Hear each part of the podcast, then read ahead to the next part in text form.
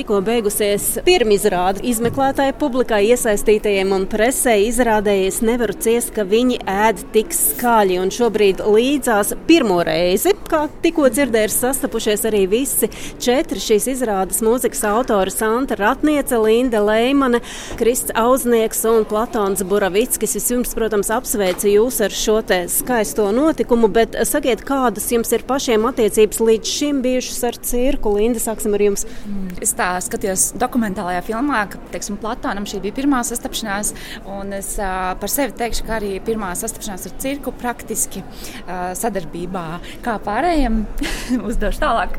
Jā, man arī šī bija pirmā reize. Es esmu kādreiz bijis uz cirka. Šoviem bērnībā man tie, tie tas man nepatika.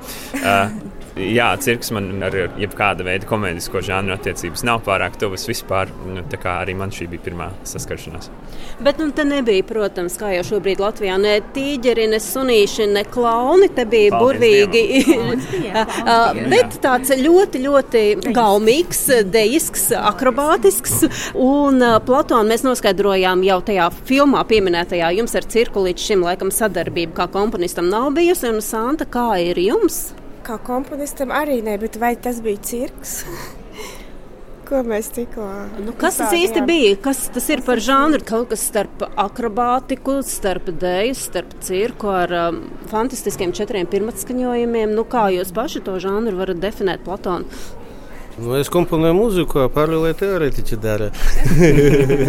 un vēlams vēl nākamajos gadsimtos, vai ne, lai noliek žanra robežas un saprot definīcijas. Žanrs bija cirka mūzika. Tātad 50-50% mūzika un cirks. Man liekas, tas bija mūsdienu mūzikas koncerts. Bet bija arī liela loma tērpiem un scenogrāfijai. Mums ir tiešām ļoti liela komanda, un tas kopdarbs ir vairāk nekā 5 plus 5. Tātad mums ir 5 profesionāli mūziķi, 5 profesionāli cirka mākslinieki un 4 komponisti. Bet ir vēl dramaturģija, tērpa māksliniece, tad vēl ir tehniskā komanda, kas ir Jānis Strāme. Kolosāla darba ar mums visiem ir cītīgi strādājusi visās šajās pilsētās un tas ir mega, mega notikums. Es domāju, mēs paši vēl neesam sapratuši, kas tas bija, jo mēs arī cits par citu, mēs arvien retāk vispār savā starpā sazināmies, bet prieks īpaši Santa, ka ir atbraukusi uz Latviju satikties, un tas bija kaut kas monumentāls, man liekas, un, un žanrs, jā, tas ir, bet tas labākais ir tas, ka nevar žanru noteikt, tas ir kā hibrīd žanrs, tāpēc, ka mēs dzīvojam šodienā un laiks mainās, un, ja tu vari definēt, kādā laikā mēs atrodamies, tad tas nav tik realistiski. 26. aprīlī Lielajā dzintrā būs pirmizrāde plašākai publikai. Mēs jau dzirdējām, ka ir dramaturgi, tā ir Anta Mūžniece par tērpiem, ir Pamela Butāna. Ir, um, parūpējusies. Bet, uh, Santa, kāds bija tas uh, rašanās un darba tapšanas vispār uh, priekšnoteikums, priekšvēsture? Jo mēs šeit dzirdējām 17 mēnešu braukšanu pa Latviju, sadarbošanās ar jauniešiem, viņu idejas. Nu, ieviesiet, lūdzu, kaut kādu skaidrību klausītājiem. Skaidrība sākumā man pašai bija ļoti neliela. Tad es uzrunāju Platonu. Telefonu. Izskatās, ka arī komponistiem pārējiem vismaz kungiem. Telefona zvanā no Austrijas, no Vīnes. Jo man bija bišku savādāk. Jo pārējiem komponistiem bija tā, ka viņiem bija priekšā meistarklase, un tad viņi komponēja to skaņdarbu. Bet tā kā skaņdarbs bija jāskomponē līdz 1. septembrim, un mana meistarklase bija pēc 1. septembra, tad es tur priekšu uzkomponēju skaņdarbu, un tad bija meistarklase. Platona, kas tā par meistarklasi? Nekas novadīja meistarklases. Nē, nē, nē, kur tas notika? Kā kur, tas notika? Kas, kas tur piedalījās? Un gal galā vai tie tur, jaunieši piedalījās? Piedalījās Sesu mūzikas vidusskolas vidusskolnieki, nevis bērni. Tad, tad bišķiņi pieauguši jau. Jūsu gadījumā tas bija cēsis, un kāds devās jā. uz Rēzekni? Ja? Kurš Kādam bija Liepājā? Es devos uz Rēzekni. Rēzeknē. Kristi bija tātad Rēzeknē, un Linda bija Liepājā. Liepājā. Es biju Ventspils koncerta zālē Latvijā. Ļoti jauka uzņemšana, ļoti jauki bērni muzikāli, atvērti. Kāda bija tā sadarbība, ko jūs no šiem jauniešiem pārņēmāt, paņēmāt? Kas tas bija? Vai Šķiet, nepaņēmāt neko, viņi jā. tikai ieguva no jums? nē, nē, tas bija ļoti reciprokāls process, lai lietotu latviskojumu. Kurā man šķiet, tās meistarklases bija izveidotas tā, lai arī mēs varam apskatīties, kādas ir šīs dienas jauniešu idejas, par ko viņi domā. Un tad, eh, izmēģinot tās šajās meistarklasēs, tad attiecīgi kaut kādi muzikālie materiāli jau sākās no tām. Un tad, uh, tas process arī strādājot ar cirkus māksliniekiem, jo tur redzot, ko viņi dara, saprotot, kāda mūzika visdrīzāk ir. Nu, es nezinu, vai teikt nepieciešama, bet vienkārši domājot par to, kādas varētu būt mūzikas un cirkus attiecības šajā darbā.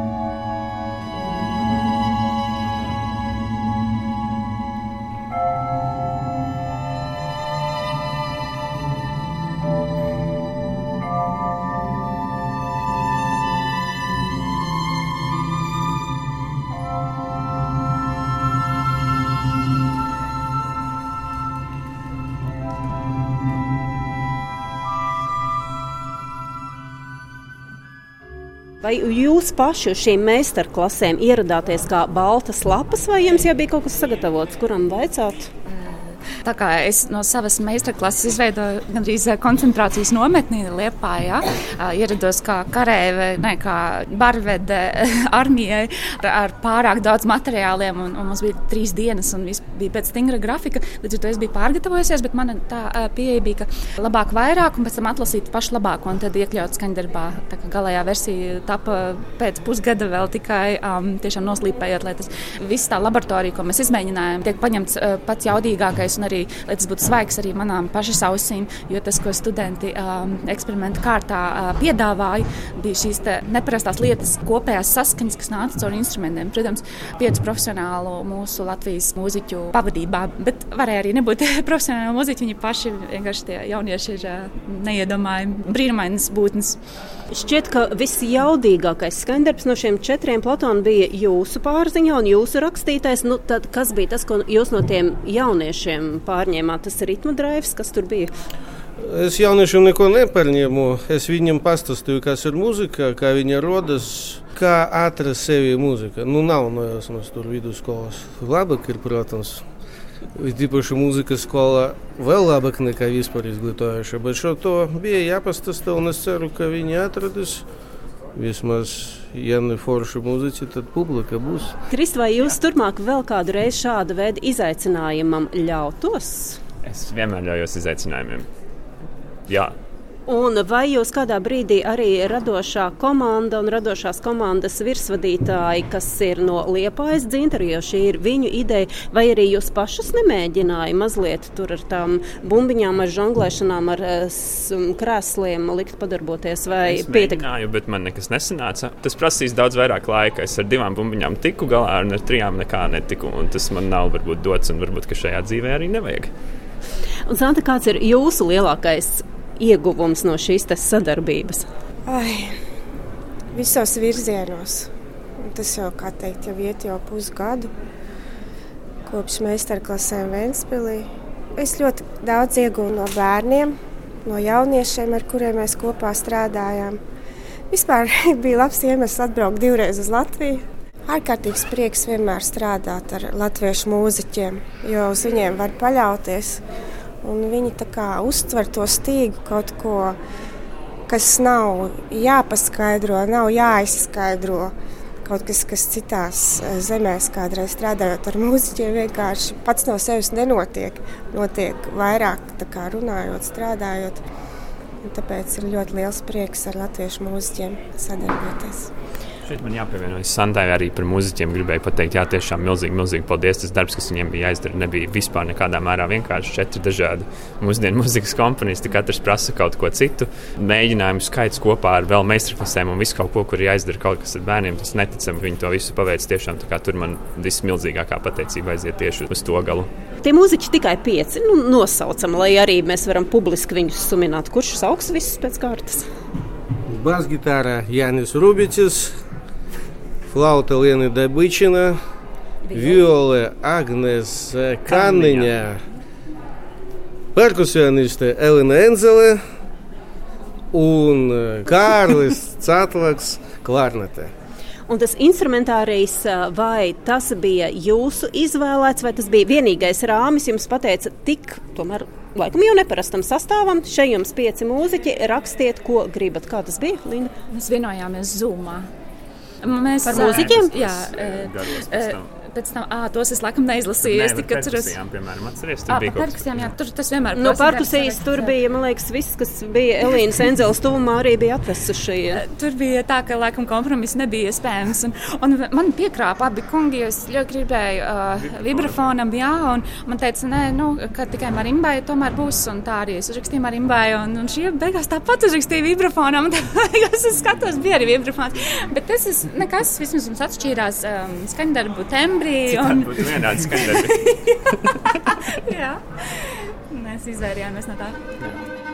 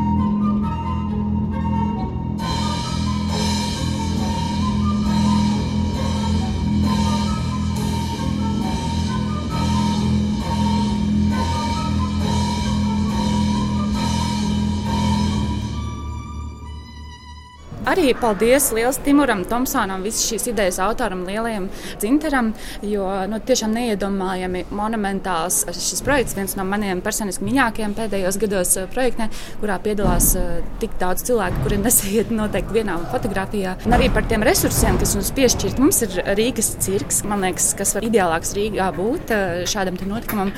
Mums ir startautiska sadarbība ar Norvēģu cirka māksliniekiem un latviešu. Es arī nopriecājos par daudzajām koncertzālēm, kas mums ir Latvijā, izņemot Rīgā. un arī šī dokumentālā filma, kas bija bija vērtīgi tādā ziņā, ka pirmo reizi mums akadēmiskajā mūzikā ir tāda filma dokumentāla, kas uzņem šo realitāti, kāda tā ir šobrīd 2023. gadā. Un to darba tapšanas procesu varbūt. Ar, arī, jā, bet arī kultūra vide, kādā mēs šobrīd esam, kādi komponisti vispār šobrīd ir dzīvi. Un, un... nu, nē, nē, nē, dzīvi ir krietni vien vairāk nekā tikai tie četri, kas šobrīd ir piedalījušies. Santa, kas jums ir bijis līdz šim tas vislielākais izaicinājums? Viens ir tātad attālums, otrs tas, ka jūsu meistarklases bija bija pēc tam, jau kad vajadzēja darbam būt tapušam? Man nebija nekas sarežģīts. Neatceros, man jebkurš izaicinājums piešķīra dzirksti un uh, interesantāk strādāt. Ja būtu jāraksta vienkārši tīk kvartets uh, koncertam mazajā ģildē, arī uzrakstīt, arī izaicinājums savā ziņā. Un, Platona, kas jums bija tas skaistākais, varbūt negaidītākais, par ko jums nācās pasmaidīt aizvadītajos 17 mēnešos? Nu, izrādās, ka žonglierim var pierakstīt visu, kā viņi to dara. Tas ir partitūra. Nu, tas, tas kā viņiem jāmētā, tas Jā. ir partitūrā. To var pierakstīt partitūru, un es no tā iedvesmojos, izmantoju ritmus. Tāpēc sākumā vispār bija ideja, ka viņi žonglēs pret bungam, bet Jā, pēc tam mēs domājam, ka pārāk dārgas tas membrānas ir un pārāk trauslas. Bet viens no tieši ritma iedvesmas avotiem bija žonglēšanas pieraksti. Bet ritms tieši bija ļoti izstrādāts. Mm, Tavā. nu, kā viņi nožonglēja, tā ir pieraksti. Ko tur strādāt? Tas kā var iedvesmoties, vai ne? Es gan. Kris, vai ir vēl kaut kas, ko jūs līdz eh, pirmizrādē, līdz 26. aprīlim eh, teiksiet, nu mazliet pamainīsim to, šo vai citu, vai viss pēc šī pirmatskaņojuma ir eh, jūs pilnībā apmierinājis? Muzikālā ziņā, kas ir mana atbildība par manu darbu, nē, es neko nemainīšu. Man šķiet, ka viss skanēja, kā jau teicu, mūziķi tiešām ir izdarījuši fantastisku darbu. Un esmu pateicīgs. Linda, un ja jūs rakstītu dienas grāmatu, ko jūs šodien vakarā ierakstīsiet pēc pirmizrādes? Man atkal jānolasa, es nevaru ciest, ka viņi ēd tik skaļi. Un es joprojām nesaprotu, kur tur palika ēšana, vai tā būs tagad pēc tam jūsu svinīgajā pasākumā, un tas Jā. nosaukums no kurienes. Jā, šis ir ļoti īpašs laiks arī manā dzīvē, jo man šobrīd uh, ir 9. mēnesis, un es gaidu savu atvasītu, un mans skandarbs tieši trāpījās, vai režisori bija tā saskaņojuši, bija par dzimšanu. Ja es rakstītu dienas grāmatu, tad es rakstītu par to, kā vesels cilvēka dzīves gājuma līkne uh, ir izstāstīt vienā stundā. Un tas satikās dažādi rokraksti, dažādi komponisti, dažādi mākslinieki, dažādi autori. Dažādas iz, emocijas. Dažādas emocijas, pavisam noteikti. Lai izstāstītu cilvēka dzīves gājumu. Protams, nevar pateikt vienā teikumā, par ko tas ir, vai vienā nosaukumā. Es nevaru ciest, ka viņi tik skaļi ēd, bet pavisam noteikti uh, mūsu sadarbības izējas punkts bija bērni, bija jaunieši no 12 līdz 18 gadu vecumam. Un sākot ar viņiem, mēs arī uh, sākām domāt tālāk un attīstījām šo tālāk ideju, dramaturgiju. Komponists uzrakstīja skaņdarbus, tālāk padeva tālāk stafeti. Bet kam mēs padevām tālāk stafeti? Tā komponists padeva māksliniekiem. Tas tam šajā procesā liekam. Pirmā viņi jā. strādāja uz muzikālā materiāla. Tas jā. bija īstenībā interesanti. Jo mēs rakstījām abstrakti. Es nezināju, jā. par ko es rakstu. Tas arī palīdzēja. Jūs šodien pirmo reizi redzējāt ar kustībām visu? Nē, bet vienkārši mūzika tapa atsevišķi. Un tad viņi izmantoja mūziku un veidoja tā choreogrāfiju, dramaturgiju un vispārējo. Par zinu, ko es biju šokā, ka es skatījos, es jau biju redzējis šo izrādi, bet tikai pēdējā skatīšanās reizē es pamanīju, ka pirms sāku domāt par to, kas tas būs savas skandarbā, un kāpēc es braucu uz meistarklasēm. Mana ideja bija par bērniem, ka me, viņi ir jau citādāki nekā mēs pieaugušie, ka viņi dzīvo šajā te tehnoloģiju laikmetā tik ļoti, ka mobilē telefoni ir tā vide. Un, un bija kadrs, es neatceros, kura no jūsu skandarbiem, Platona skandarbā, kur pēkšņi ir um, šīs žonglēšanas vāles, viņi izmanto kā mobilos telefonus. Un zināk, ka šī mana ideja realizējās bez jebkādas sarunas ar cirku māksliniekiem. Kaut kā mēs esam arī intuitīvi saķēdējušies. Un... Nu, ir tādas idejas, kas vienkārši lido gaisā un pielīp vairākiem, bet Platona pieminētajā daudzkārt filmā jūs arī teicāt, ka šis varbūt būs tāds skaists iemesls, lai jaunieši saprastu, ka akadēmiskā mūzika un laikmatīgā mūzika nu, tālāk turpiniet. Jūs ļoti skaisti pateicāt. Nu, jebkurš gājiens uz akadēmiskas kom mūzikas koncertu ir skaists iemesls. Šeit arī vienkārši jāatnāk un viss. Iepazīt to mūziku vairāk, pieradināt pie viņas jauniešus. Nu, Jā, jā, es gribētu. Man gribas, lai klausītāji būtu vairāk. No tas atkarīgs ne tikai mana, bet arī kolēģu dzīvē, iztika. Lai tik nāc. Nu šodien šeit uh, Rīgas cirkā vietas visas bija aizpildītas. Šeit bija tie jaunieši, kas ar jums sadarbojās meistarklasēs, un mēs novēlam, lai tā tas ir arī 26. aprīlī Liepājā, un pēc tam jau droši vien citu vietu Latvijā, kur vien būs skatāma šī izrāde. Es nevaru ciest, ka viņi ēd tik skaļi. Paldies jums par šo satikšanos īsi, īsi pēc pirmizrādes. Un... Jā, tu nosaukumu nemēs izdomājam, iekais. es domāju, ka jums šobrīd jādodas svinēt, jums jādodas arī tie ziedi. Jā, jāieliek vāzē, lai nenovīst un lai jums radošs arī jūsu gaita turpinājums. Paldies jums! Paldies! Paldies. Paldies.